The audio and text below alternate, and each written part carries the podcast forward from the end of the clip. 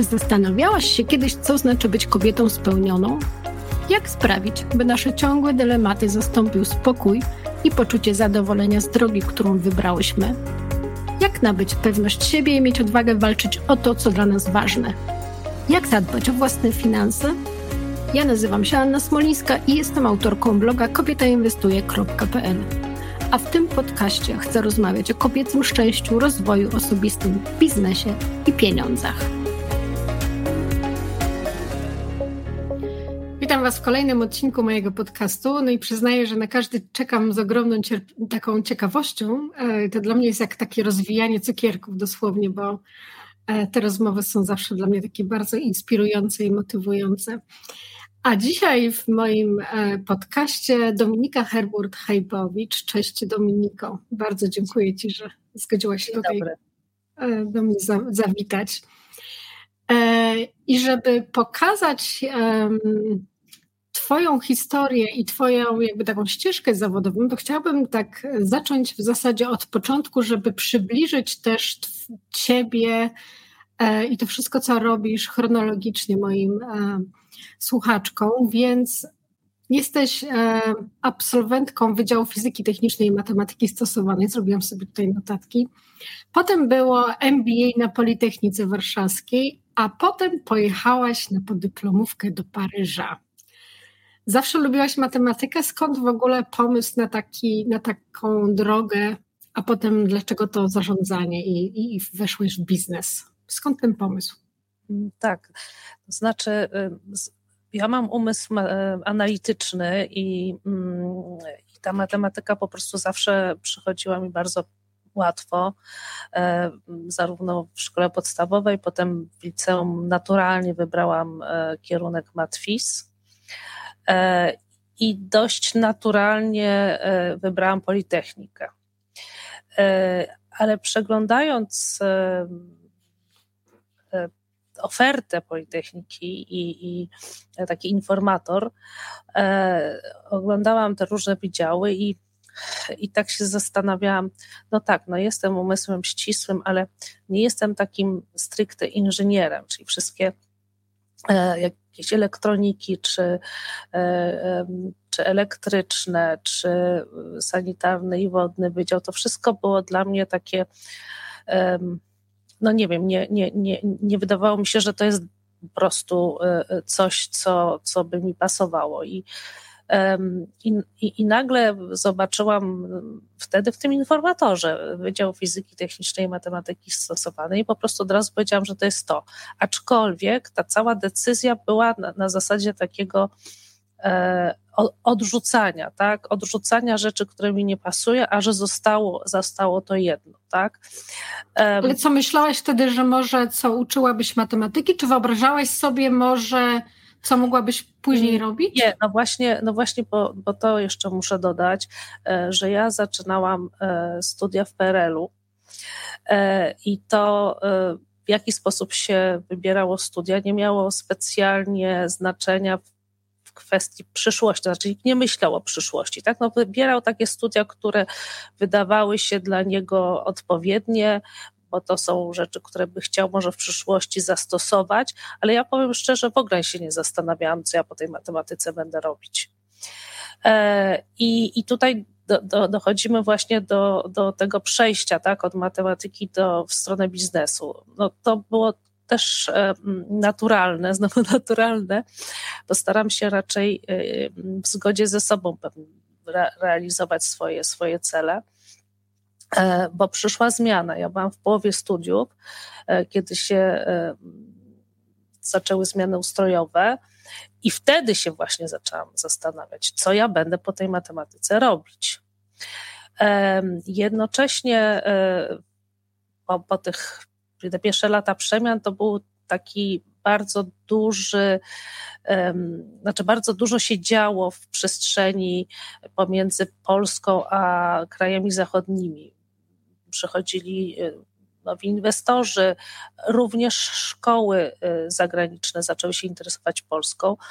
E, I akurat jeśli chodzi o Politechnikę Warszawską, to nawiązała kontakt szkoła biznesu z Hiszpanii, z Barcelony, Jeze, e, która przyjechała właśnie, to już pamiętam na początku, 91 czy drugi rok to było, to była końcówka moich studiów, przyjechała z ofertą i mm, przeprowadziła ze studentami warsztaty e, jak wygląda studiowanie biznesu, co to jest MBA. Wtedy pierwszy raz usłyszałam, co, co to jest MBA. Myślę, że w Polsce w ogóle mało kto wiedział, co to jest.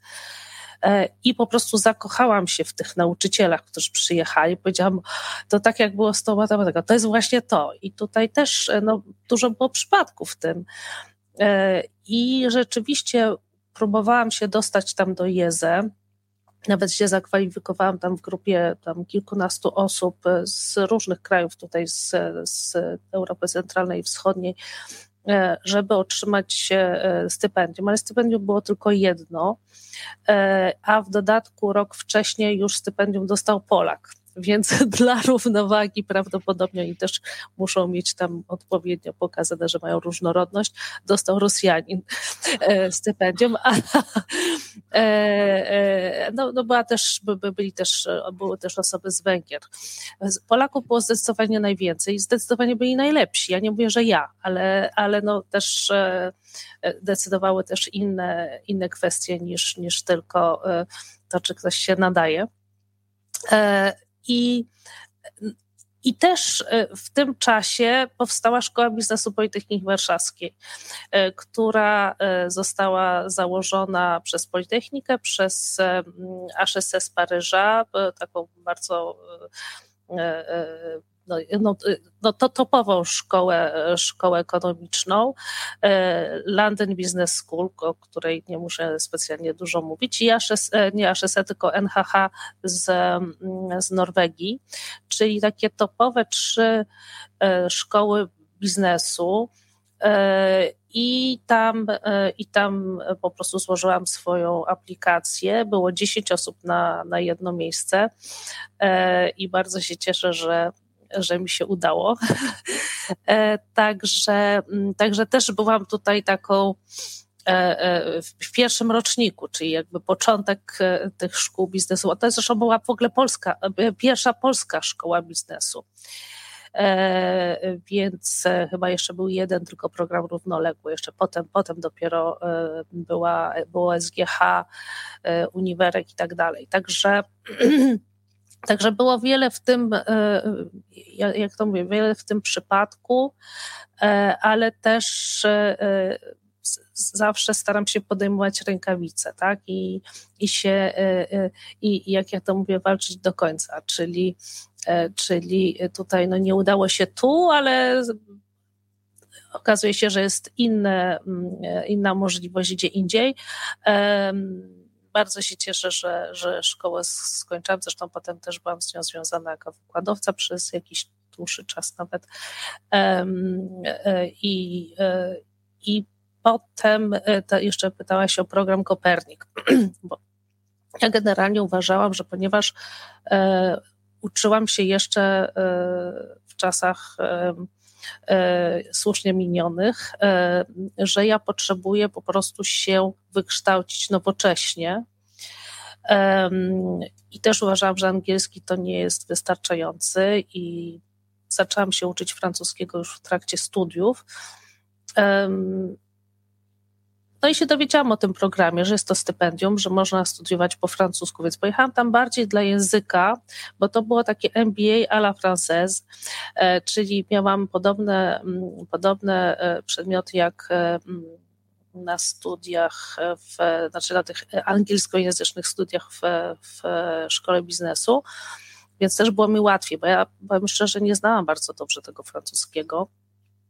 E, e, no ale te studia no, spowodowały, że, że, że no, no, no, no, mówię po francusku. Na pewno nie tak dobrze jak po angielsku, ale, ale mówię.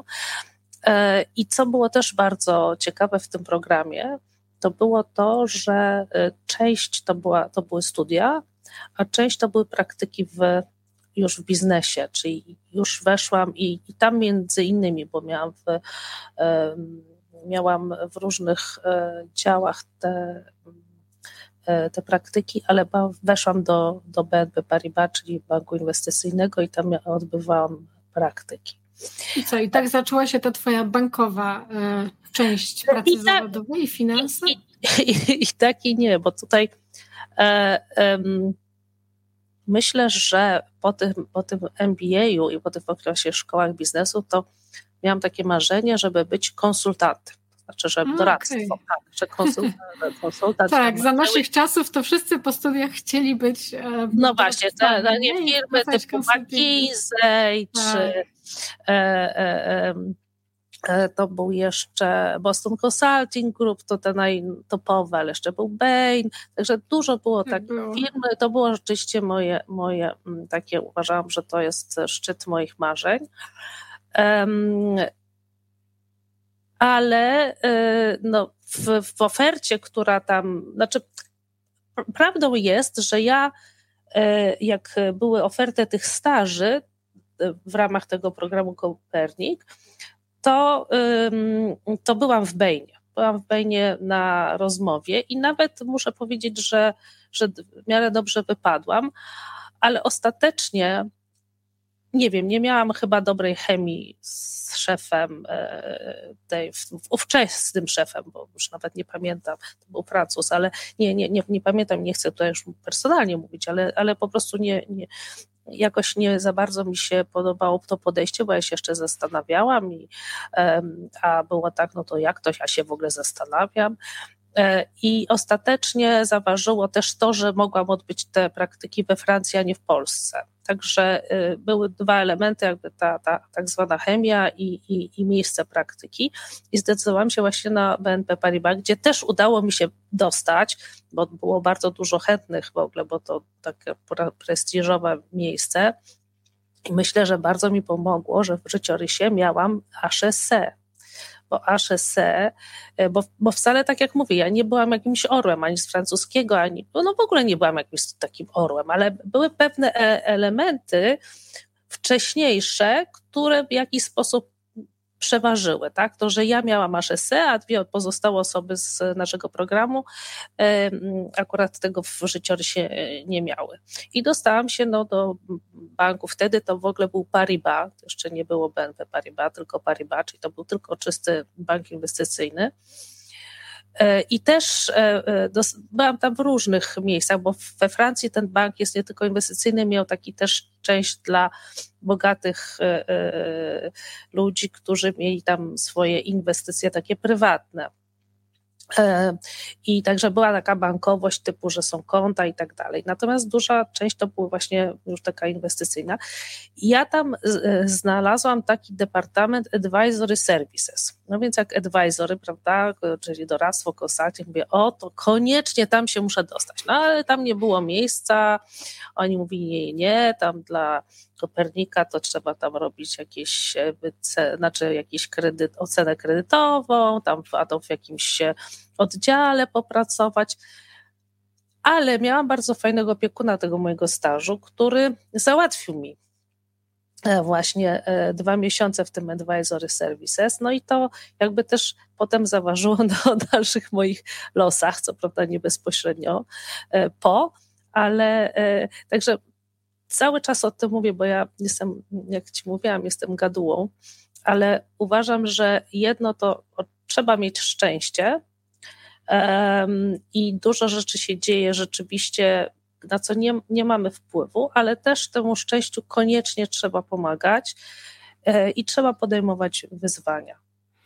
No, bo to jest chyba trochę tak, że warto jest dostrzegać te szanse, czy to okazje, które nam się po, po drodze gdzieś tam pojawiają i po prostu je wykorzystywać też, nie? A ty je wykorzystywałeś zwyczajnie. Chociaż nie, nie zawsze to jest y, łatwe taka decyzja, żeby takie, bo jest to też y, często ryzyko, no i trzeba mieć, mieć y, taką odwagę tak, życiową. Tak brać tak, byka za rogi. Tak, to jak mówimy o odwadze, bo ja mam takie poczucie i też e, takie były wnioski między innymi z, z tej ostatniej książki, którą napisałam, że jednak kobietom trochę tej odwagi e, czasami na tej ścieżce zawodowej brakuje, zwłaszcza jak chcą się pnąć coraz wyżej, coraz wyżej.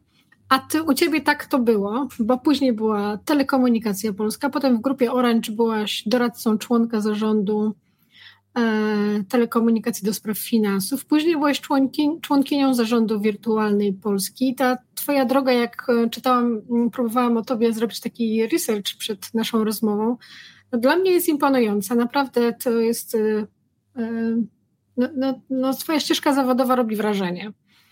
Czy ty uważasz, a propos tej odwagi i tych naszych kobiecych cech, że kobiety mają jakieś um, inne wyzwania czy przeszkody kiedy chcą pokonać taką ścieżkę w, w, tym świecie biznesu czy finansów, w którym ty byłaś wcześniej.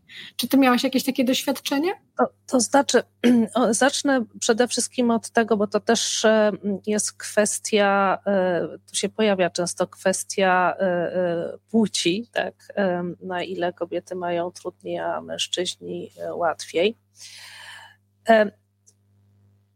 Ja, ja przede wszystkim chciałam powiedzieć, że ja się dobrze czuję w męskim świecie, bo y, w związku z moją, prawda, y, y, z, z moją przeszłością, czyli zarówno matwiz, matwizie było, było, było pięć dziewczyn, reszta sami chłopcy, więc w takiej klasie byłam. E, na Politechnice, no nie muszę mówić. E, e, także ja się zawsze z mężczyznami przyjaźniłam, tak? Ja, ja zawsze byłam w roli bardziej partnera niż, e, niż nie występowałam jako prawda, kobieta. To znaczy, oczywiście jestem kobietą, ale chodziło mi po prostu, że, mhm. że potrafiłam się przyjaźnić z mężczyznami, którzy używają, uważają, że nie istnieje taka możliwość. Ja uważam, że, że istnieje i do, do dziś mam przyjaciół mężczyzn. Natomiast e, w kwestii, więc ja się czuję w tym świecie po prostu na swoim miejscu. Ja tutaj nie widzę, że jestem jakaś inna i, i, wydaje, nie wydaje mi się, żebym miała z tytułu e, tego, że jestem kobietą, e, jakieś przeszkody. Czyli choć... tak samo uważali mężczyźni, kiedy ty tą ścieżką się pięłaś i na przykład chciałaś być w zarządzie. No, to musiałam temu, to, to, to, o to zawalczyć, tak?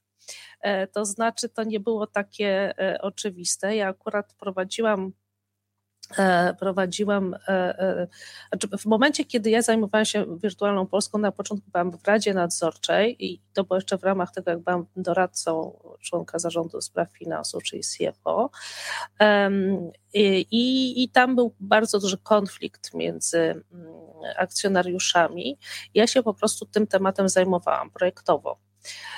I potem, jak udało się odkupić w 100% wirtualną Polskę, to mm, nie bardzo było komu y, to wziąć na początek, tak? Bo, bo tam były temat tak zwane trupy w szafie, bo była spółka baw upadłości, więc nikt się tam specjalnie nie garnął. A ja już tą spółkę widziałam, więc trochę może w odwadze nieświadomości stwierdziłam, ono to super, to to jest dla mnie szansa. Przy czym y, mam wrażenie, że, że większość tego męskiego świata, chociażby za, zarząd y, telekomunikacji, to już był Orange wtedy, E, uważał, że no ja tam pójdę, posprzątam, a potem się wrzuci po prostu nowy zarząd. No właśnie. no ale, to... ale tak jak mówiłam, to, e, to jest kwestia tego, że mm, trzeba e, pilnować tego, co się ma, trzeba za tym chodzić, trzeba po prostu nie dać się mm, stamtąd wykluczyć. A takich sytuacji miałam sporo akurat właśnie w tej spółce, gdzie gdzie było mówione, że a, to ja, to ja nie wiedziałam, że, y, że ja mówię powiedzmy o, o, o, jeśli chodzi o za, zarząd, mówię ogólnie zarząd telekomunikacji, czyli Orange, mówię, a to ja nie wiedziałem, że, mm, że ty tam chcesz zostać dłużej, e, bo ja rozumiałam, że to tylko y, chcesz tam y, do zrobienia porządku projekt, tak, i tak dalej. Y, I później też, ja byłam sama w zarządzie przez rok, bo, no bo mówię, no trzeba było robić porządek, no ale potem jak trzeba było wybrać prezesa, ja stwierdziłam, że w sumie tak dobrze mi idzie, dlaczego nie. No ale nie zostałam wybrana prezesem, oczywiście został prezesem wybrany mężczyzna, potem była zmiana prezesa i kolejny mężczyzna. E, e, no i, e, ale nie było dobrze tam, gdzie byłam, bo to były moje kompetencje. Ja się zajmowałam funkcjami wsparcia, finansami, HR-em, tematami prawnymi, więc to powiem, że tak już od strony takiej merytorycznej i to, czym się zajmowałam, to, to, to to, to mi, mi, mi, to w zupełności pasowało. Natomiast no, była ewidentnie kwestia mm, różnicy w zarobkach i to też e, nie będę mówić kwotowo, ale przy pierwszym prezesie e, on zarabiał dwa razy więcej niż ja, a przy drugim prezesie on zarabiał trzy razy więcej niż ja. E, I w momencie, kiedy poszłam znowuż też wyżej, żeby no, zawalczyć o jakąś podwyżkę, e, e, to e, osoba, która wtedy pełniła rolę głównego herowca w grupie, no, odprawiła mnie z kwitkiem. Czyli, czyli doświadczyłam, doświadczyłam takiego, takiej dyskryminacji, tak? Doświadczyłam, ale to już było jakby dla mnie dla mnie kwestia finansowa nie jest e, najważniejsza. Tak? Dla mnie najważniejsze jest to, co ja robię i czy to robię dobrze, czy e, mam z tego satysfakcję, więc też się nad tym nie skupiam. Teraz o tym mówię, no bo też wiem, że to jest kwestia tak, istotna, ta różnica między zarobkami kobiet i, i mężczyzn. Natomiast ja się nad tym po prostu przechodziłam do porządku dziennego, no bo jakbym się miała, to bym się tylko frustrowała. Tak? Mówię to jako fakt, a nie jako to, że ja uważałam, że jestem jakaś mega skrzywdzona, po prostu robiłam swoje. A we mnie się teraz gotuje, jak tego słucham, a ty mówisz o tym tak łagodnie i z takim zrozumieniem, naprawdę. No ale co, co, ja mogłam więcej zrobić? No, nie no, rozumiem oczywiście. Nie, nie było, nie wiem, czy tak, ja ale... wtedy walczę, kiedy widzę, że jest szansa, tak, żeby, żeby osiągnąć e, cel. A tutaj no, podjęłam e, próby e, zmiany, przynajmniej częściowo, i nie oczami mogłam po prostu odejść i pójść gdzieś indziej, no ale, ale tam było mi dobrze, więc ta kwestia finansowa nie była dla mnie najważniejsza. Hmm. E, w 1992 roku młoda prawniczka z doktoratem, czyli Hanna Gronkiewicz-Walc, została prezeską NBP-u i e, no, podchodzono do tego trochę jak do takiej, że będzie taką figurantką. I było była taka, taka sesja z dziennikarzami, na której ktoś ją po prostu bez pardonu zapytał, czy będzie pani podejmowała najważniejsze decyzje dotyczące finansów podczas namaczania prania. E, I kiedy dzisiaj obejrzymy, sobie zobaczymy tak wiesz, z lotu ptaka tą całą branżę finansową, to faktycznie 60% um, pracujących w tej branży to są kobiety, tylko że one docierają tak do stanowisk kierowniczych, a potem to już dotykamy tego tak zwanego szklanego sufitu i E, jest ich coraz mniej, coraz mniej w zarządach e, to już raptem tam kilkanaście procent. Chociaż my i tak jesteśmy w zasadzie w Europie w miarę w czołówce, jeśli chodzi o kobiety w zarządach. Dlaczego Twoim zdaniem tak mało kobiet dociera do tych najwyższych stanowisk? To, to jest, znaczy tak jak mówisz, to nie jest tylko w Polsce, tak? Czyli to jest jakby E, sytuacja, która ma miejsce praktycznie we wszystkich krajach świata. No w, jednych bardziej, w drugich mniej. No już nie mówię o, mówię o krajach rozwiniętych, no bo jak mm. Wykluczam te, gdzie w ogóle rola kobiety jest e, bardzo no, no potrzebna. do jednego, tak, tylko do rodzenia tak i usługiwania. E, to mówię o krajach rozwiniętych ale wydaje mi się, że to jest kilka e, aspektów. Znaczy, jeden, jedna kwestia to jest czysto kwestia stereotypów i, histo i historii. Tak? Kobiety przez, no, jak spojrzymy na historię, tak, też to dopiero od e, bardzo niedawna, jakby patrzeć jakby na przestrzeni wieków, tak?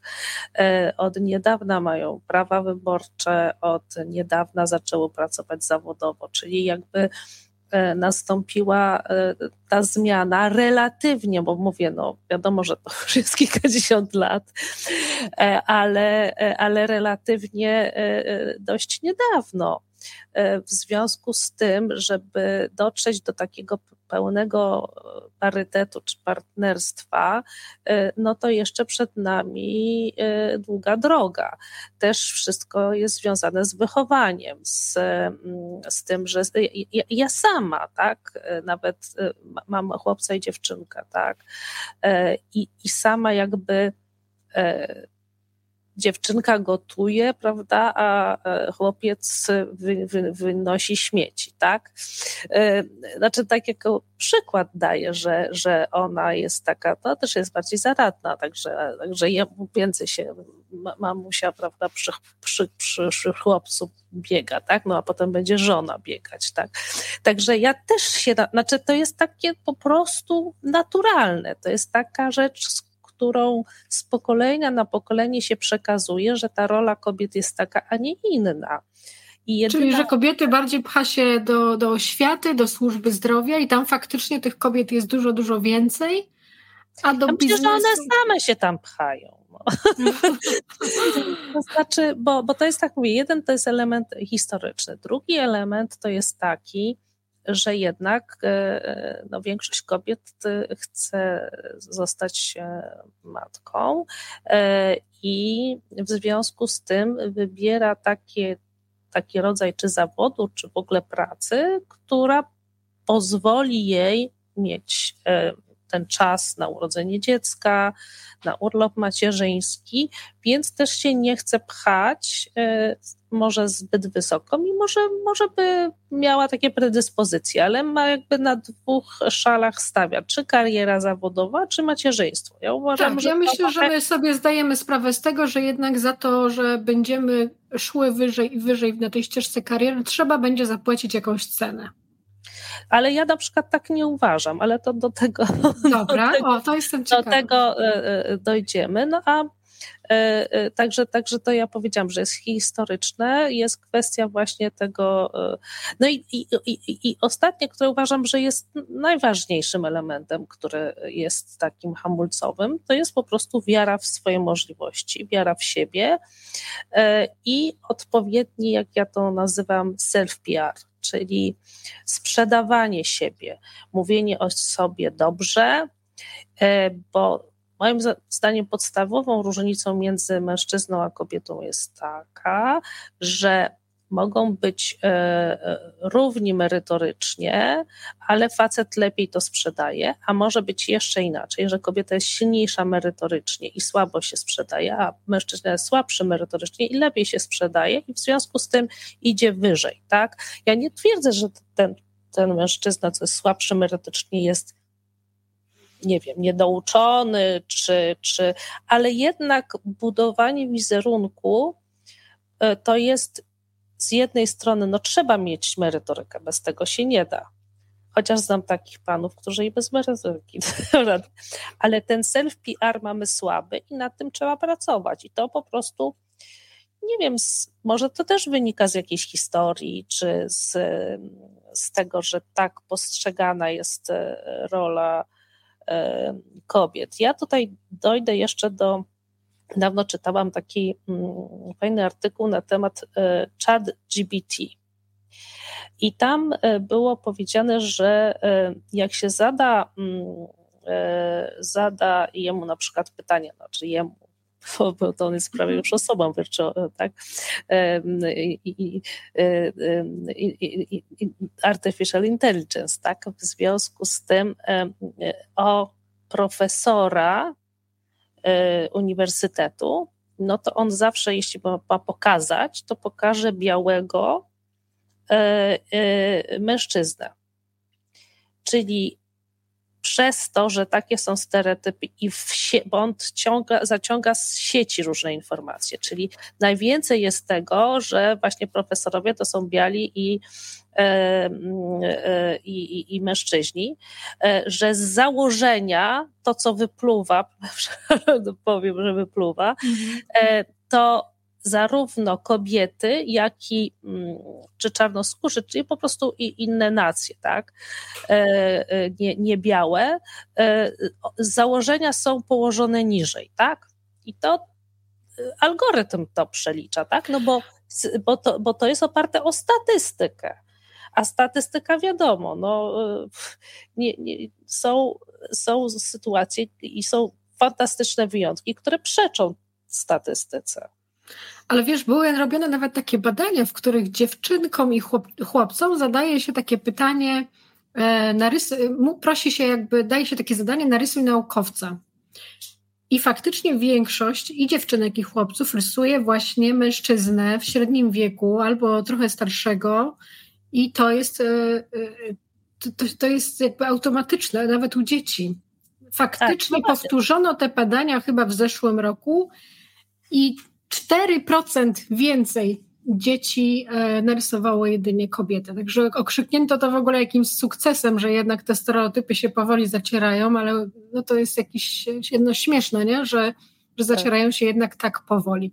Więc dlatego też ja dlatego też uważam, jak, że ważne są właśnie i po pierwsze feminatywy, czyli mówienie naukowczyni czy profesorka, żeby dawać sygnał nawet do mózgu, wiesz, dzieciom, co w innych językach jest zupełnie normalne. Na przykład w Niemczech są końcówki żeńskie, no są powszechnie używane. Mówi się strażaczka, nauczycielka, e, dziennikarka i tak dalej, jakby Poza z automatu. angielskim, no tam są wyjątki, Poza angielskim, ale... tak. Ale jakby to pokazywanie i dawanie wzorców e, moim zdaniem jest mega ważne aktualne, że to nie jest tak, że tylko mężczyźni są naukowcami, że tylko mężczyźni są w zarządach i tak dalej, i tak dalej, tak. ale że, że kobiety też na takich stanowiskach bywają i że to nie jest nic jakby nadzwyczajnego, że, że dziewczynki też mają prawo do tego, żeby tam, tam być, nie? Jasne, jasne. Um, a co Ale nie wiem, czy, mhm, przepraszam, Dobra. bo nie wiem, czy do końca odpowiedziałam na Twoje pytanie, bo poszłam w inną ścieżkę, ale. Tak, może... tak, oszklany sufit. Tak. Oszklany sufit, oszklany sufit było pytanie, tak? E, to ja, aha, bo jeszcze o tym macierzyństwie, prawda? O tym macierzyństwie, ja powiedziałam, że nie jest przeszkodą. Znaczy ja uważam, znaczy urodziłam bardzo późno, miałam 42 lata, uważam, że jest dużo za późno. Ale to jakby wynikało z różnych e, kwestii, nie, nie, nie tylko zawodowych, bo no może byłam jakoś tam pracocholiczką, no ale dlatego, że nie miałam rodziny, więc raczej nie, nie, nie, nie łączyłabym hmm. tego. Natomiast jeśli się um, idzie, znaczy jeśli się e, zawodowo jest, ma się sukces, tak? No jak się ma się sukces, to również ma się e, dobre e, dochody. E, w związku z tym e, no można tak zorganizować sobie dom, żeby zarówno mieć też czas oczywiście dla dziecka, ale też kiedy nie ma, e, nie ma mnie w domu, mam kogoś, profesjonalną opiekę. No ja tak, e, ja urodziłam dzieci będąc e, członkiem zarządu spółki, no i ja po prostu miałam, a, a ponieważ sama wychowuję dzieci, no to musiałam mieć jeszcze drugą dorosłą osobę w domu, i mm, ja po prostu miałam zatrudnioną opiekunkę 24 na 24, która ze mną po prostu mieszkała, tak? Czyli ja byłam trochę takim tatusiem, który przychodzi po pracy i się tam zajmie dzieckiem, dziećmi. No oczywiście, że się zajmowałam, no musiałam. to były moje ukochane dzieci, no ale jednocześnie musiałam zarabiać na domu bo też nikt tak. inny nie, nie dołożył, tak?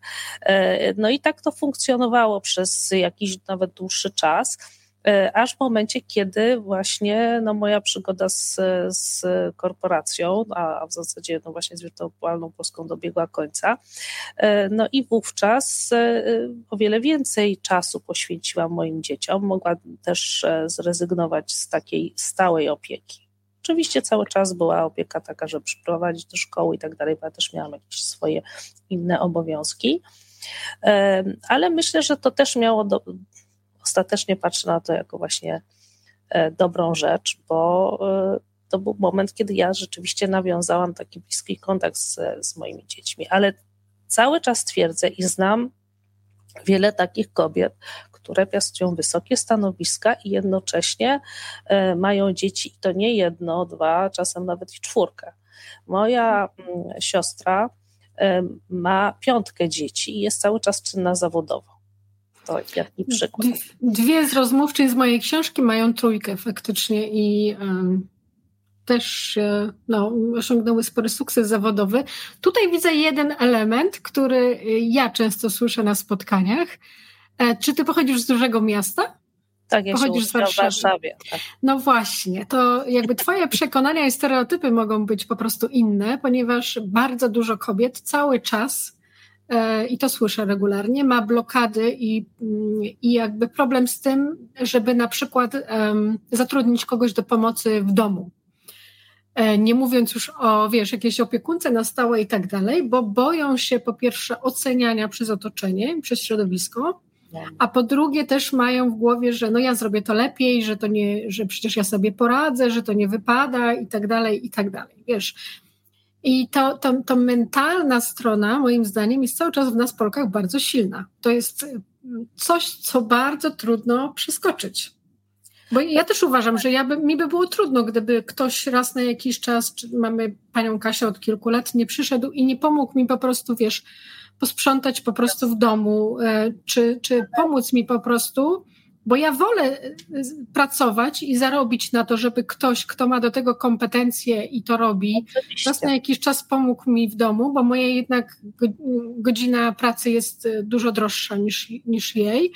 A dla mnie to jest bardzo duże ułatwienie i pomoc, żebym mogła spokojnie pracować, a później poświęcić czas po prostu rodzinie.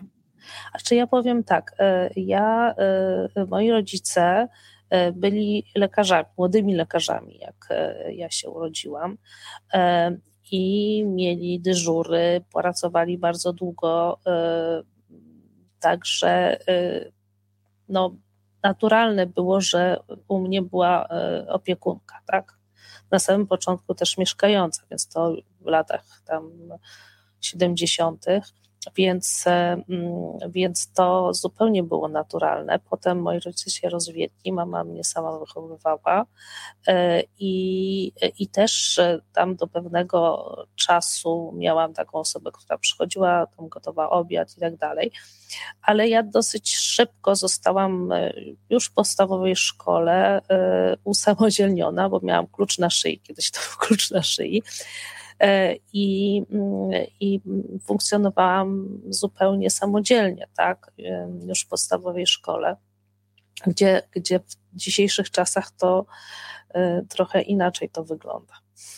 No to to widzisz, no to miałaś też taki jakby trochę mm, wzorzec z domu, nie? Który pozwalał na to, że jakby widziałaś już to, że kobieta jest niezależna, że może tak. pozwolić sobie i też ma prawo do tego, żeby liczyć na jakąś pomoc i tak dalej. Ja pamiętam, że ja kiedy postanowiłam iść na, zrobić studia doktoranckie i mój syn miał wtedy, myślę, że parę miesięcy, no ale ten proces, zanim też na te studia mnie przyjęto, musiałam przejść jakiś proces kwalifikacyjny i w ogóle trochę trwał, to pamiętam, że usłyszałam, że no a kto się zajmie dzieckiem? E, czy no ja miałam męża w domu, który przecież no jakby się też mógł nim zająć, kiedy ja jeździłam e, co dwa tygodnie, na, co drugi weekend na uczelnię i tak dalej ale no tak, tak to słyszałam. Ja pochodzę z małego miasta i to było jakby normalne, że kobieta zajmuje się dziećmi, domem i tak dalej, a mężczyzna zarabia na rodzinę i no trochę zabierano mi, zabrano mi przez to chyba, co usłyszałam, jakby takie prawo do tego, żeby wiesz, też się realizować. I... Ale, ale, ale, ale jednak e, nie, nie poddałaś się. Nie, nie, no ja oczywiście poszłam na te studia i ale no, widzisz, no do no. dziś to pamiętam, nie? E, no, tak, no, tak, do dziś to pamiętam, że poczułam tak, e, po, po, pamiętam nawet nie to, że mi to powiedziano, wiesz co, ja pamiętam do dziś tą, tą moją emocję, która wtedy powstała, że poczułam się, że okej, okay, to faktycznie być może będę jakąś, kurczę, gorszą mamą, albo wiesz, taką taką mamą, która no nie do końca jest chyba taką idealną, jakby oczekiwało ode mnie otoczenie, czy moja rodzina, czy wiesz, E, że nie będę tak spełniała jakby ich oczekiwań jako taka dobra mama i tak dalej. Ale potem oczywiście szybko zgasiłam sobie te myśli w głowie, ale długo to ze mną, pamiętam to do dziś. Widzisz, to już minęło chyba z 15 lat, jak skończyłam doktorat. Ale do dziś mam, mam te emocje w domu. Ale wracając do ciebie. A co ty myślisz w ogóle o parytetach? No bo jednak do 2026 roku no jest już ta dyrektywa, dyrektywa, która mówi o tym, że do 2026 roku 40% dyrektorów tych niewykonawczych, 33% kierowniczych mają stanowić kobiety. Czy generalnie jest opisane, że mają stanowić do niedostatecznie reprezentowanej płci, mówiąc wprost. Co ty o tym myślisz? To znaczy, to moje zdanie ewaluowało bo na samym początku, kiedy zaczęto mówić o parytetach, to ja się e, stukałam w głowę, mówię, jakie parytety, no o co chodzi, no przecież nikt mi jakby... Chcesz, to masz, Zaczam, nikt nie wyrzuca. Tak. Wszystko jest w porządku, ale z czasem zaczęłam uczestniczyć w różnych takich przy mm, organizacjach kobiecych, czy też e, Kongres Kobiet, chociaż może nie, Kongres Kobiet jest dla mnie może zbyt feministyczny i, i też nie ze wszystkim się zgadzam. E, i, I, szczególnie też często e, mam jakiś tam, nie, nie, nie, nie za, może często się nie zgadzam z tym, co mówi profesor Środa, ale właśnie ona przekonała mnie do parytetów. Ja opowiedziała taką historię. Myślę, że możliwe, że, że, że kilkakrotnie e, do tego wraca, gdzie mówiła, że jeśli się ma dwójkę dzieci, to już nie chodzi o płeć, tak? Jeśli ma, jedno jest przebojowe, e, takie po prostu e, wszystko, co, czym się nie zajmie, to mu wychodzi, a drugie jest takie wycofane, takie potrzebujące wsparcia. To co to znaczy kochać te dzieci porówno? Bo zawsze mówimy, że trzeba dzieci kochać tak samo. samo. Mm. E, I mówi, a ja uważam, że, e, znaczy ja mówię swoimi słowami oczywiście, że temu dziecku, które jest słabsze, które mm, właśnie no, nie ma pewności siebie, e, które niekoniecznie jej wszystko e, wychodzi, może no, no, ma, ma po prostu taką, a nie inną osobowość, jemu trzeba dać więcej tej miłości. I w ten sposób się wyrówna ich szanse, tej dwójki dzieci. I to jest bardzo ciekawe, bo powiem szczerze, że to mnie bardzo zafrapowało i dlatego o tym mówię, bo to był moment, kiedy właśnie jakby zmieniłam zdanie o parytetach. Dlatego, że jeśli jesteśmy niedoreprezentowane, jeśli mamy mniejszą pewność siebie, jeśli jesteśmy w sumie w ten sposób słabsze psychicznie, ale nie merytorycznie, trzeba nam pomóc. A pom pomoc nie polega na tym, żeby prawda, y, angażować kobiety, które nie mają wiedzy, tak? No bo zawsze jest zarzut, że a, to dostała tą pracę tylko dlatego, że była kobietą. To nie o to chodzi. Chodzi o to, że jeśli mamy to, co ja mówiłam o kobietach i mężczyznach, że bardzo często kobieta jest silniejsza merytorycznie, ale ma słabszy self-PR i dlatego nie jest wybierana. To jest jedna rzecz. Druga rzecz to jest to, że nie ma kobiet nie są reprezentowane. Wtedy, kiedy jest ich mało, e, to też wtedy gorzej się wspierają wbrew pozorom, bo, bo to często jest tak, że gwiazda może być tylko jedna. Następna, jak przychodzi, to jest zagrożeniem, tak? Dlatego to się mówi, że właśnie kobiety się nie wspierają. One się wspierają wtedy, kiedy ich jest więcej tych wszystkich organizacjach kobiecych, co, co myśmy też były na, razem na, na tym kongresie, e, czy, czy innych kobiety się bardzo wspierają. Ale w momencie, kiedy jest zarząd, jest jedna kobieta, to ona wcale nie chce, żeby druga przyszła. E, także te parytety to nie są tylko w kwestii mężczyzn, ale też w kwestii tych kobiet, które się już tam do, na szczyt dostały. Ja nie mówię, że tak jest zawsze, ale, ale znam takie. A ty czułaś wsparcie kobiet, jak już e, to znaczy przebiłaś ten właśnie, no właśnie to ciekawe jest, że tych kobiet wcale nie było wokół mnie dużo i ja bardzo dużo wsparcia dostałam od mężczyzn w różnych sytuacjach. Były sytuacje, kiedy potrzebowałam tego wsparcia e, zawodowo, bo e, tam ktoś e, na przykład właśnie chciał się mnie pozbyć, albo gdzie mm, no, były różne trudne sytuacje w moim życiu i to właśnie mężczyźni mi pomagali, ale to też wynika z tego, że ja zawsze budowałam dobre relacje nie tylko z mężczyznami, z kobietami też, w, w ogóle w, w, środowisku pracy. Warto jest mieć sojuszników, bo w momencie, kiedy jest trudny moment, właśnie czy, czy z szefem, czy z kimś innym, to jak się nie ma sojuszników, to człowiek zginie, a jak się ma sojuszników, to bardzo często przetrwa i ja mam takie doświadczenia. Wiesz co, chciałabym jeszcze poruszyć temat pieniędzy, no bo to oczywiście jest temat, którym ja się też e, zajmuję na co dzień i mnie bardzo interesuje. Po pierwsze, dlaczego dla kobiety Twoim zdaniem pieniądze są ważne? Nie wiem, czy to nie pytanie retoryczne już. A po drugie, kto nauczył Ciebie mm, zarządzania pieniędzmi? Czy to w ogóle są, jak, jak Ty e, nimi za, zarządzasz? No bo już wiem, że no, jakby próbowanie um, otrzymania większej pensji i walczenie o to jest Ci, znaczy jest Twoim doświadczeniem, więc jakby też e, potrafisz ocenić um, i walczyć o nie, nie? To znaczy, y, rzeczywiście y, to, że wchodziłam dawno na rynek pracy, miało też swoje plusy, tak? bo y, wszystko się budowało, więc bardzo szybko ta, ta ścieżka kariery była taka bardzo stroma do, do góry. I też te zarobki były bardzo dobre. Też mój, ja ponad 5 lat pracowałam w Londynie, więc właśnie w, w Paribas, BNP Paribas. I, I to też mi pozwoliło tak naprawdę kupić swoje pierwsze mieszkanie, bo za pieniądze w, Polsce, no to bym musiała albo wziąć kredyt, a tam mogłam po prostu z oszczędności czy z takich premii, bo były takie premie roczne, to pierwsze mieszkanie kupić i potem już jakby była ta, mm, były te pieniądze, żeby reinwestować, to znaczy jedno sprzedać, drugie kupić, potem też e, tu i ówdzie e, udało mi się e, zarobić jakieś ekstra pieniądze, tak, bo to mówię, że z gołej pensji najczęściej na przeżycie, no ale były premie i i mówisz o tej, o, o kwestii finansów. Jak ja powiedziałam, dla mnie pieniądze nie są najważniejsze a e, w życiu, tak, bo są inne rzeczy ważniejsze. Natomiast no, na pewno potrzebuję tych pieniędzy, żeby siebie utrzymać, teraz jeszcze dwójkę dzieci utrzymać i mm, za tą całą, i uważam, że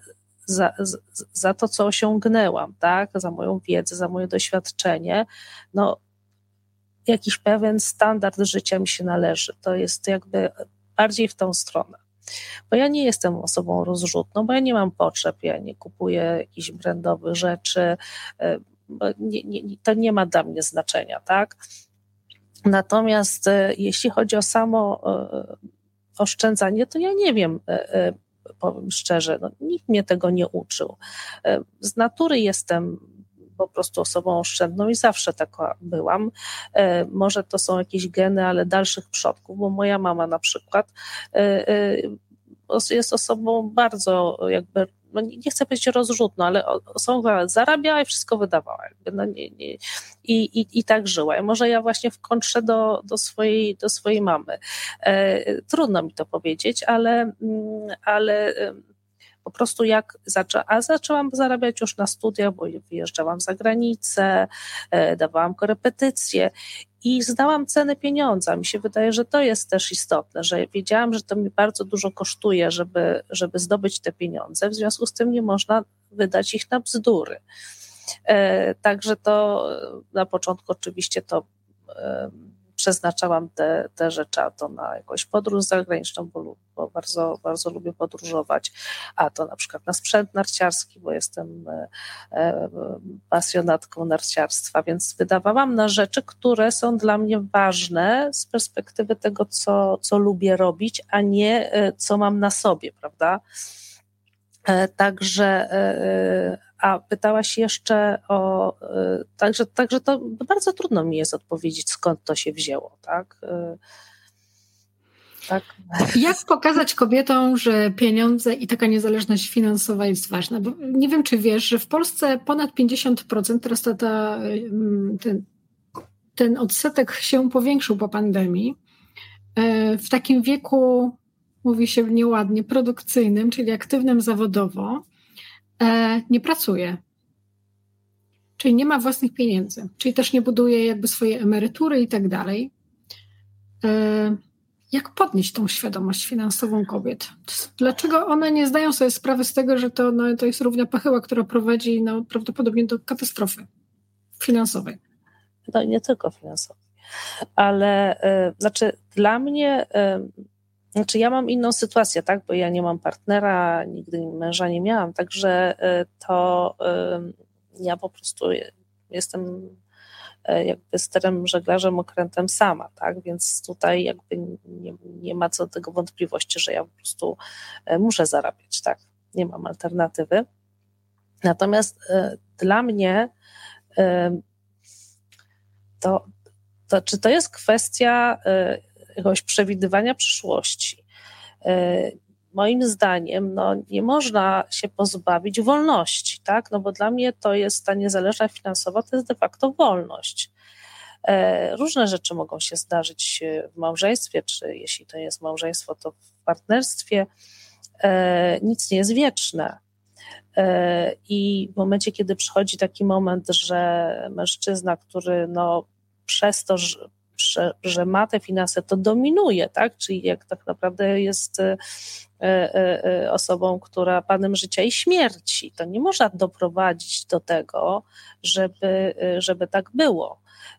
I mm, w, w każdym małżeństwie uważam, że powinno ono powinno być na zasadach właśnie partnerskich. Tak często nie jest, ale kobiety, które się decydują na mm, zostanie e, w domu i bycie podporządkowaną, e, no to, to jest ogromne ryzyko i no, nie wiem w jaki sposób e, przekonać ich do tego, że warto mieć też obok ży życia rodzinnego coś więcej, bo to w pewnym momencie dzieci wyjdą z domu, zostanie się z panem i władcą, który akurat będzie chciał zmienić na młodszy model i i tyle. Jestem też bardzo dużą zwolenniczką, jak się ludzie łączą, może troszeczkę w późniejszym wieku, ale, ale generalnie jak się łączą, e, intercyzy e, bo zdecydowanie to też daje taki komfort psychiczny na przyszłość.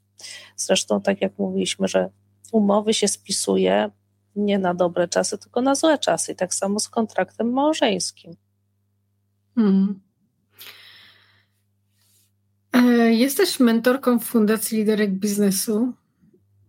E, kiedy nastąpił taki moment, że uznałaś, że chcesz w ten sposób wspierać e, inne kobiety? Co, co ci w ogóle daje to, że masz mentis i że prowadzisz ten proces? To jeszcze dodam, że oprócz Fundacji Liderek Biznesu jestem też w sieci przedsiębiorczych kobiet, czyli ten program Biznes w kobiecych rękach tylko troszeczkę później. Tam od ponad 8 lat w liderkach biznesu, a od jakichś 4 lat tutaj w e, BWQ. I dodaj jeszcze najnowszą funkcję. Tak, tak, tak. tak. No i od w zasadzie od nie, nie, niespełna tygodnia jestem w komisji rewizyjnej EMCC, to jest European Mentoring E, and Coaching Council. Zawsze mam problem z przetłumaczeniem nazwy.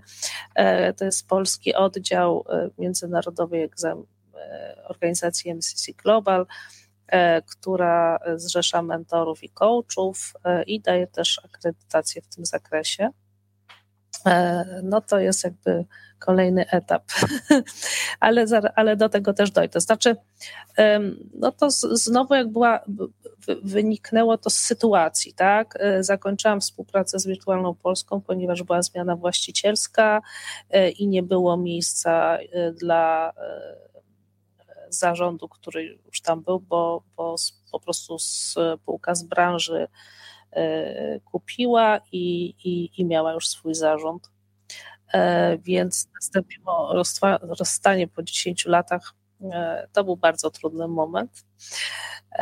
Natomiast wracając do Twojego e, pytania, no i, i też jakby wydawało mi się, że to już będzie takie proste, żeby znaleźć szybko pracę. E, ale tak, tak się akurat nie, nie wydarzyło, bo tutaj jeszcze jest jeden wątek, e, który może jak będzie miały czas, to poruszymy albo nie, ale wracając do i, i pomyślałam, że muszę sobie jakoś zagospodarować ten czas, bo e, ja nie, nie potrafię nic nie robić, tak? Oczywiście zajęłam się o wiele bardziej swoimi dziećmi, ale ja nie jestem typem do, nie chcę mówić ale osoby, do, do, do, która się tylko domem zajmuje, więc potrzebowałam po prostu nowych wyzwań. I, e, no i się właśnie dowiedziałam, bo to ruszyła ta fundacja w sumie chyba rok wcześniej.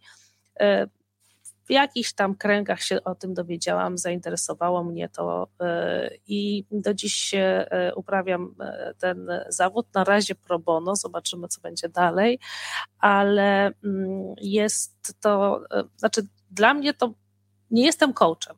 Od razu mówię, nie jestem coachem, jestem mentorem, bo mentor może się mhm. dzielić swoimi doświadczeniami, może też naprowadzić, a coach to tylko po prostu facilituje, przepraszam za anglicyzmy, i, i kompletnie nie jest to jakby, nie, nie potrafię tego robić. Właśnie dla mnie najważniejsze jest podzielić się wiedzą, zobaczyć, że to, co się Monty opowie ze swojego życia, albo y, też jakoś w dyskusjach wychodzi, że to zaczyna działać.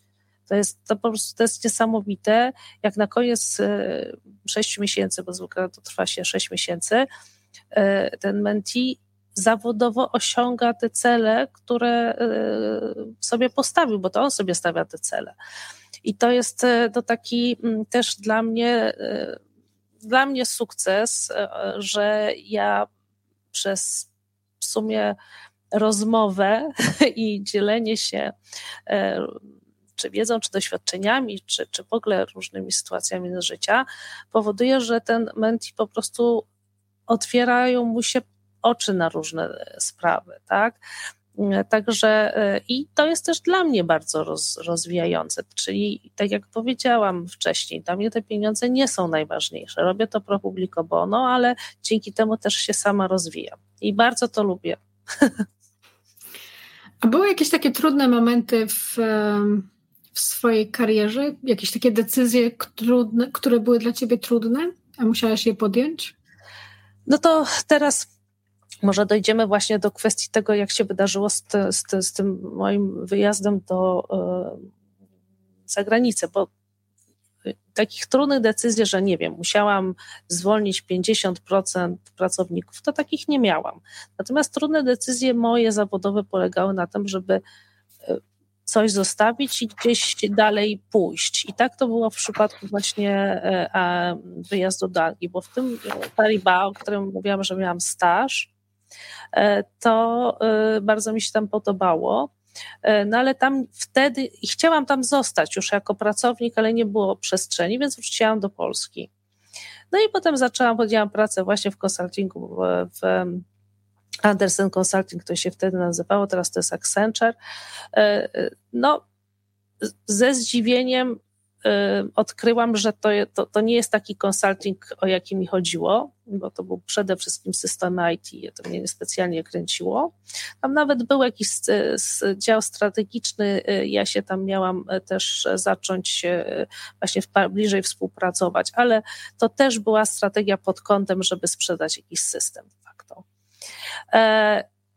Także odczarował się ten konsult, tylko że ja nie trafiłam do tych firm, e, prawda, wymarzonych. E, I, i, I potem nagle e, otrzymałam, muszę tutaj opowiedzieć, bo to w ramach takiego w ogóle wspomnień, no wtedy jeszcze nie, nie, nie było takiego internetu, bo to był rok, który 92, nie, źle mówię, 4, 5, 6, 7. No jakoś w każdym bądź razie w połowie 90. Jeszcze, znaczy to już były jakieś komórki, ale to już takie ten, no już nie było jakichś takich mailów, no normalnie był stacjonarny telefon i tak dalej. I ja miałam, były takie hot deski tam w tym Andersenie i, dzwoni telefon na tym moim, bo się po prostu były przy, przyłączane. Ja odbieram telefon i tam się odzywa głos osoby, którą poznałam we Francji, mając, e, mając ten staż w BNP Paribas i mówi e, tam po, angielsku mówi cześć, mówi taki, taki, taka osoba, mówi co tam u ciebie e, słychać, czy tam nawet nie powiedziała, ja mówię, ja w ogóle byłam w ogóle zdezorientowana, bo nie wiedziałam skąd on w ogóle ma ten telefon, w ogóle jak to jest, ja mówię, o pewnie jesteś w Polsce, tak mi nie, nie jestem w Polsce, jestem w Londynie. No i, mm, e, i, i Potem odsyła do słowa, opowiada mi o tym, że właśnie e, zmienił, znaczy został awansowany, że teraz zarządza taką grupą e, Corporate Finance Group w Londynie i tu opowiada, opowiada, a ja w ogóle nic w ogóle nie, nie czaję o co chodzi, kompletnie. I w pewnym momencie, no i tak pomyślałem, że może byś chciała e, dla mnie pracować, bo nie mam jeszcze nikogo z Polski. Potem miał już z Niemiec, Węgier, tam nie wiem, z różnych krajów i mnie po prostu wcięło. Tak dostałam pracę, tak dostałam pracę w Londynie. W Londynie. No ale to było też pokłosie tego, że wywalczyłam sobie e, e, ten, te dwa miesiące w tym advisory services, że poznałam tego człowieka, że zrobiłam na nim dobre wrażenie i że on był w stanie mnie odszukać, bo nie mieliśmy żadnego kontaktu. Jeszcze się pisało listy wtedy, tak? E, I były stacjonarne telefony, więc no, wiem ostatecznie, jak to się wydarzyło, ale on musiał naprawdę zrobić duży, duży wysiłek. E, I teraz, teraz wracam do tej trudnej decyzji. I ja powiem szczerze, że tak jak bardzo zawsze chciałam w tym, w, zostać w tej Francji i tak dalej, w ogóle za granicą, E, pracować. Ale to już był tam, nie wiem, trzy lata czy cztery po powrocie. Ja już tutaj tak osiadłam, miałam dobrą pracę, dobre zarobki. Może ona nie była fascynująca, miałam znajomych i mówię, gdzie ja tam będę jechać? W ogóle to jest jakiś. To, to, to, to, ja, nie, ja nie wiem w ogóle, dlaczego ja mam się stąd ruszać? Tu mi dobrze, tu mi ciepło. No i ostatecznie decyzja znowu była na zasadzie takiego wyboru tak zwanego negatywnego, bo ja mówię, że przez odrzucenie albo tam e, e, dowód przez zaprzeczenie, czy jakkolwiek, i mówię, ale jeśli nie podejmę, bo, przy, bo mówię, przy, przyjechał rycerz na białym koniu, który na srebrnej tacy oferuje mi coś niezwykłego i ja mam teraz, bo mi tu dobrze ciepło z tego, e, z tego zrezygnować. I, I to jest na tej zasadzie. Ja powiedziałam, do końca, gdybym nie podjęła tego wyzwania, i to mówię wszystkim osobom, jeśli masz takie sytuacje, że coś jest, wydaje ci się trudne, ale że to może zmienić twoje życie, zawsze warto, bo, bo jest droga powrotu, tak? A ja powiedziałam sobie, będę do końca życia żałować, jeśli się na to nie zdecyduję. No i rzeczywiście to jakby później miała ogromny wpływ na, na, moją, na moją e, dalszą karierę. Już się zamyśliłam. W piątek lecę do tych Stanów z wielkim, z wielkim strachem. Nie będzie dobrze. Wiesz co, a propos tego strachu i tej, tej twojej odwagi, moim zdaniem bardzo dużej w podejmowaniu tych decyzji, to czy uważasz, że są jakieś takie kluczowe kompetencje czy umiejętności, które pomagają w osiągnięciu sukcesu zawodowego? Znaczy, na pewno, e, na pewno pracowitość i na pewno e, no, to, co ja cały czas mówię, no, to jest ta wiedza, tak? Czyli trzeba e, dobrze się wykształcić i, jestem zdania, że bez tego naprawdę, szczególnie w dzisiejszych czasach, jest bardzo trudno. Tak? Ta wiedza jest bardzo ważna, żeby można było e, no, e, odrzucać argumenty, które są, prawda, bo, bo zawsze można zaatakować, że no ale skoro pani tego nie wie, albo nie ma pani takich doświadczeń. I też druga rzecz, trzecia rzecz to jest e, żeby dość szybko e, mieć doświadczenie zawodowe. Nie musi być full time, ale żeby już w trakcie e, studiów, w ogóle nauki podejmować różne, różne wyzwania zawodowe. One nie muszą być nawet wyzwaniami typu, że od razu w jakiejś firmie, e, nie wiem, IT, można, można wszelkie, bo ja na przykład uważam, że moje doświadczenie e, kelnerskie z Wielkiej Brytanii, które wielo, co, co, co, co lato jeździłam, bardzo dużo mnie nauczyło. Więc mówię, każda, mówię, żadna praca nie hańbi, ale warto po prostu, bo w, w każdej pracy są relacje międzyludzkie i to jest clue, tak, że że, to, że te relacje też, też są bardzo istotne, czyli do tych kompetencji to na pewno budowanie, e, budowanie relacji. Tak, też uważam, że budowanie relacji, to powtarzam ciągle mojemu synowi, on jest teraz na trzecim roku studiów, że wszystkie relacje, jakie i osoby, które spotyka na swojej drodze, być może kiedyś e, ich ścieżki się jeszcze połączą i tak dalej, żeby o to bardzo dbał. Jesteś mamą teraz nastoletnich bliźniaków. Czy dzieci na Twojej ścieżce kariery były dużym wyzwaniem, kiedy się pojawiły? Albo też, nawet nie pytam też o zawodową, bo prawdopodobnie w życiu takim prywatnym, e, no to też sama jestem mamą. Wiem, że to była tak. niezła rewolucja. Nie, no niezła rewolucja, ale ja mam, e, no nie wiem, tak, e, tak jestem skonstruowana, że mam plan, mm i jak go zrealizuję, no to po prostu go zrealizowałam. I ja nie, nie mam, e, no tro, trochę tak, tak, e, tak jak z innymi projektami, to dzieci też, też, też były takim, to były, to nie były dzieci przypadkowe, tak, to, mm. to było coś, co, bo, bo bardzo chciałam być mam, mamą, i tutaj jeszcze powiem taką rzecz, że to było trochę wynikało też z takiego nie wiem, egocentryzmu właśnie. Nie, nie, nie wcale nie z jakiejś potrzeby macierzyńskiej, tylko potrzeby mm, ciągłości. Czyli, że ja tu jestem, żyję, kształcę się, potem osiągam sukcesy, no i komu to przekażę? No komu to przekażę? No mogę tylko, e, tylko swoim własnym dzieciom. Czy ja nigdy nie miałam takiej e, myśli, bo, bo są osoby, które prawda, adoptują. E, I ja nie mówię, że ty, ja, bardzo chylę głowę, tak? Natomiast ja nie miałam po to, żeby się kimś opiekować, znaczy oczywiście opiekuję się, tylko żeby czuć, że ja mogę im przekazać. No mam te Mountie, przekazuję im wiedzę, no ale to są obce osoby, tak? Mm. A dla mnie najważniejsze jest to, żeby coś po mnie też zostało. Mm. Także ta, taką miałam. taką małą drogę, jeśli chodzi o dzieci, i przez, ani, ani przez chwilę nie żałuję. Oczywiście no, jest dużo wyzwań, bo e, przestałam żyć tak jak kiedyś, byłam wolnym strzelcem, miałam bardzo duże życie towarzyskie. E, w tej chwili no to są z, z życie zawodowe, dom, już nie ma miejsca na życie towarzyskie ale to minie.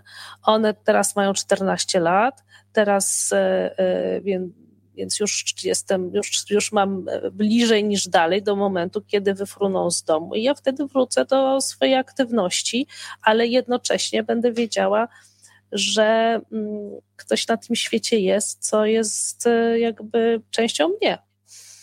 Wyfruwają wcześniej niż nam się wydaje. Nie mam takie wrażenie. Mam, mam, odczucie, że dopiero mojego syna rodziłam, a to już wiesz, jest, poszedł w świat, nie? Jako samodzielna jednostka. Chociaż to jest też miłe uczucie, kiedy wreszcie odzyskujemy swoje takie własne życie. Tak, ale ja jeszcze, ale ja miałam bardzo długi czas takiego po prostu życia, mhm. E, e, że mogłam w każdej chwili wsiąść samochód, e, pojechać, tak. gdzie miałam ochotę, takiej po prostu totalnej wolności, bo dla tak. mnie ta wolność jest bardzo ważna. E, I, I, natomiast tutaj to jest e, mój obowiązek, żeby się nimi opiekować. To jest e, też potrzeba, żeby wyrosły na fajne, fajne osoby. Teraz są fajnymi dzieciakami i to jest też ogromna satysfakcja. A mówię, no jak przyjdzie taki czas, no to ja sobie no może już nie będę najmłodsza, ale, ale, ale teraz już szczęśliwie żyjemy dłużej i się lepiej mamy, zdrowsi jesteśmy, że wrócę sobie do tych e, swoich fajnych e, e, wszystkich podróży, sportów, spotkań towarzyskich i na przestrzeni lat to nie będzie taki, nie będzie nierównowagi w tym A, Też a mam taki plan.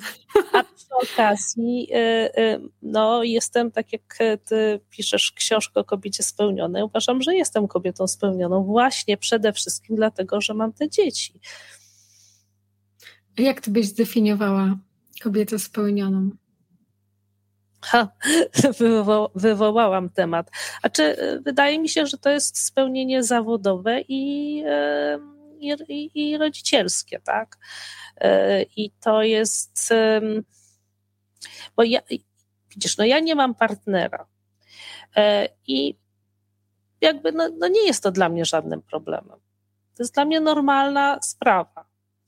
E, I to nie znaczy, że ja bym może nie chciała, albo że, że, że mam jakieś, prawda, że jestem jakąś feministką i tak dalej. Nie, no po prostu tak się ułożyło, że nie mam tego partnera, ale z drugiej strony też e, myślę, że, że trudno by mi było w tej chwili po wielu, wielu latach mieć kogoś tak totalnie na stałe. Mogłabym może się raczej spotykać, gdzieś razem pojechać, ale tak, żebym miała na stałe, no to byłoby dla mnie, myślę, bardzo trudne. E, I, i ja, i ja w tym obszarze takiego właśnie braku partnera nie, nie widzę niespełnienia. Ale to jest przez mój pryzmat, bo na przykład inne osoby powiedzą, że spełnienie to jest właśnie kochająca się rodzina. No ja mam kochającą się rodzinę, ale jakby w piramida odwrócona, tak? Że jestem ja i dwójka dzieci. Chyba wiesz co, też myślę, że to dla każdej kobiety jest faktycznie też indywidualne, bo są kobiety, które czują się spełnione jako mamy, y, takie wiesz, zarządzające domem i tak dalej, i tak dalej. Ja miałam dosłownie tak jak ty. Kiedy urodziłam syna, to po paru miesiącach stwierdziłam, nie umiem po prostu być tylko mamą i zajmować się domem. Po prostu tego nie umiem i brakuje mi y, jakiegoś dodatkowego elementu tej układanki, żeby znów tak. poczuć się dobrze ze sobą i tak dalej, ale są kobiety, które czują się po prostu z tym jak ryba w wodzie. Mam też tak, takie oczywiście. koleżanki i one są po prostu dla mnie idolkami w tej kwestii. Jak czegoś nie wiem, potrzebuję w ogóle, to do nich dzwonię i one wszystko wiedzą. A, ale są kobiety, które potrzebują innych rzeczy zupełnie, bo są po prostu inne i, i definiują jakby to swoje poczucie spełnienia też w zupełnie inny sposób. Ale wiesz co powiedziałaś że no jak się urodziły dzieci i tak dalej, to, to gdzieś to twoje życie takie towarzyskie może się trochę zmniejszyło i twoje życie e, osobiste przeszło na inne tory. Czy ty uważasz w ogóle, że taka równowaga, słynny ten taki balans życiowo-zawodowy, on w ogóle jest możliwy? Nie wiem, powiem ci, ale, e, ale wydaje mi się, że jednak w takich rodzinach tak zwanych pełnych, to znaczy, że jest e, mąż, żona czy partner, partnerka, e, jest łatwiej, tak? Bo mm, wtedy na przykład jeśli kobieta chce się spotkać z koleżankami, no to jest jednak ta druga osoba, która może zostać. No tutaj trzeba by było ewentualnie kogoś poprosić. Teraz moje dzieci spokojnie zostają same, ale Mam też takie wrażenie, że przez to, że przez kilka ładnych lat no nie było nam czasu na kultowy, kulto, teraz się zagłolopałam, żeby kultywować te, mhm. te więzy, e, no to jakby też e, ludzie o, o tobie zapominają tak? To znaczy, że jeśli się spotykasz regularnie, to się spotykasz, a potem jak nagle z, z, znikniesz z, z horyzontu, to, to, to, to, to potem odnowić takie, jeśli się nie intensywnie człowiek do tego nie zabierze, to jest rzeczywiście, rzeczywiście trudno. Mhm. Także no, szczerze wiem też, że bardzo często um, wyjeżdżają na przykład na wspólne małżeństwa z dziećmi. Ja jestem mamą z dziećmi i to nie zawsze pasuje też. Um, także y, to też, też mam wrażenie, że, że, ma, że ma wpływ. Um, myślę, że tak samo się też y, trochę rozluźniły te moje kontakty z, z tymi mężczyznami, z którymi przez wiele, wiele lat byłam blisko E, I mam wrażenie, że e, znaczy to nie jest jakieś celowe, tak? Tylko że to jakoś tak naturalnie wyszło, że ja już jestem zupełnie na innym etapie, już jestem bardziej kobietą, bo mam dzieci, tak? a nie kumplem, a nie kumplem, z którym, prawda, można gdzieś wyjechać na łódkę na zasadzie cześć, możesz jutro jechać na łódkę, więc to jakby to, to wynika po prostu z, z tego kontekstu, ale ja, ja tego, broń Boże, nie żałuję, jestem przeszczęśliwa, że mam te dzieci i czekam po prostu do momentu, kiedy, e, kiedy będę mogła po prostu troszeczkę to inaczej w życiu ułożyć. A to masz w ogóle czas taki dla siebie? Co robisz wtedy? O, bardzo mało. bardzo mało, bardzo mało mam tego czasu. No, wiesz, no to dla mnie to, co robię chociażby w e, mentoringu, to jest czas dla mnie, bo to jest e, mój rozwój. Teraz to, że się zaangażowałam właśnie w organizację mentoringową, to jest to, że to jest myślę, kierunek, który chciałabym w przyszłości dociążyć, tak? I ja w ogóle lubię angażować się w jakieś inicjatywy społeczne, czyli pro bono, bo to też jest pro bono, tak? I zarząd, i komisja to też jest pro bono, ale dzięki temu jestem w środowisku ludzi, od których mogę też czerpać wiedzę e, i mogę też czuć się w jakiś sposób zawodowo też e, e, wykorzystana, chociaż to jest, prawda, praca społeczna, tak? Także bardzo się cieszę, że się udało, bo było, było na włosku, bo jednym głosem zwyciężyłam z inną osobą, bo jestem relatywnie nowa w organizacji nie wszyscy mnie po prostu znają. Ale bardzo się cieszę i jestem naprawdę pełna energii, żeby też tam się angażować. Żeby tak spiąć klamrą tą naszą rozmowę, czy jest coś takiego, co chciałabyś ty usłyszeć, wchodząc e, w swoje dorosłe życie, w swoją ścieżkę kariery, co mogłabyś dziś powiedzieć młodym dziewczynom, które no, chcą osiągnąć sukces w swojej dziedzinie? Że trzeba liczyć przede wszystkim na siebie. To jest w ogóle najważniejsze. To, co mówiłam, być odważnym, łapać byka za rogi um, i budować relacje bardzo, bardzo Ci dziękuję, Dominiko. I życzę Ci mnóstwo spełnienia, kolejnych spokojnych lat, a potem wielkiej wolności i czasu dla o, siebie. Super, bardzo, bardzo dziękuję. Dzięki Ci raz jeszcze. Miło mi było bardzo. Dziękuję. Dziękuję za odsłuchanie tego odcinka. Jeśli Ci się podobał, zostaw ocenę i zasubskrybuj mój kanał. Pomaga mi to szybciej się rozwijać. I pamiętaj, że nigdy nie jest za późno, by zmienić coś w życiu. Szczególnie, gdy stawką jest Twoje spełnienie, Twoje szczęście, gdy stawką jesteś Ty.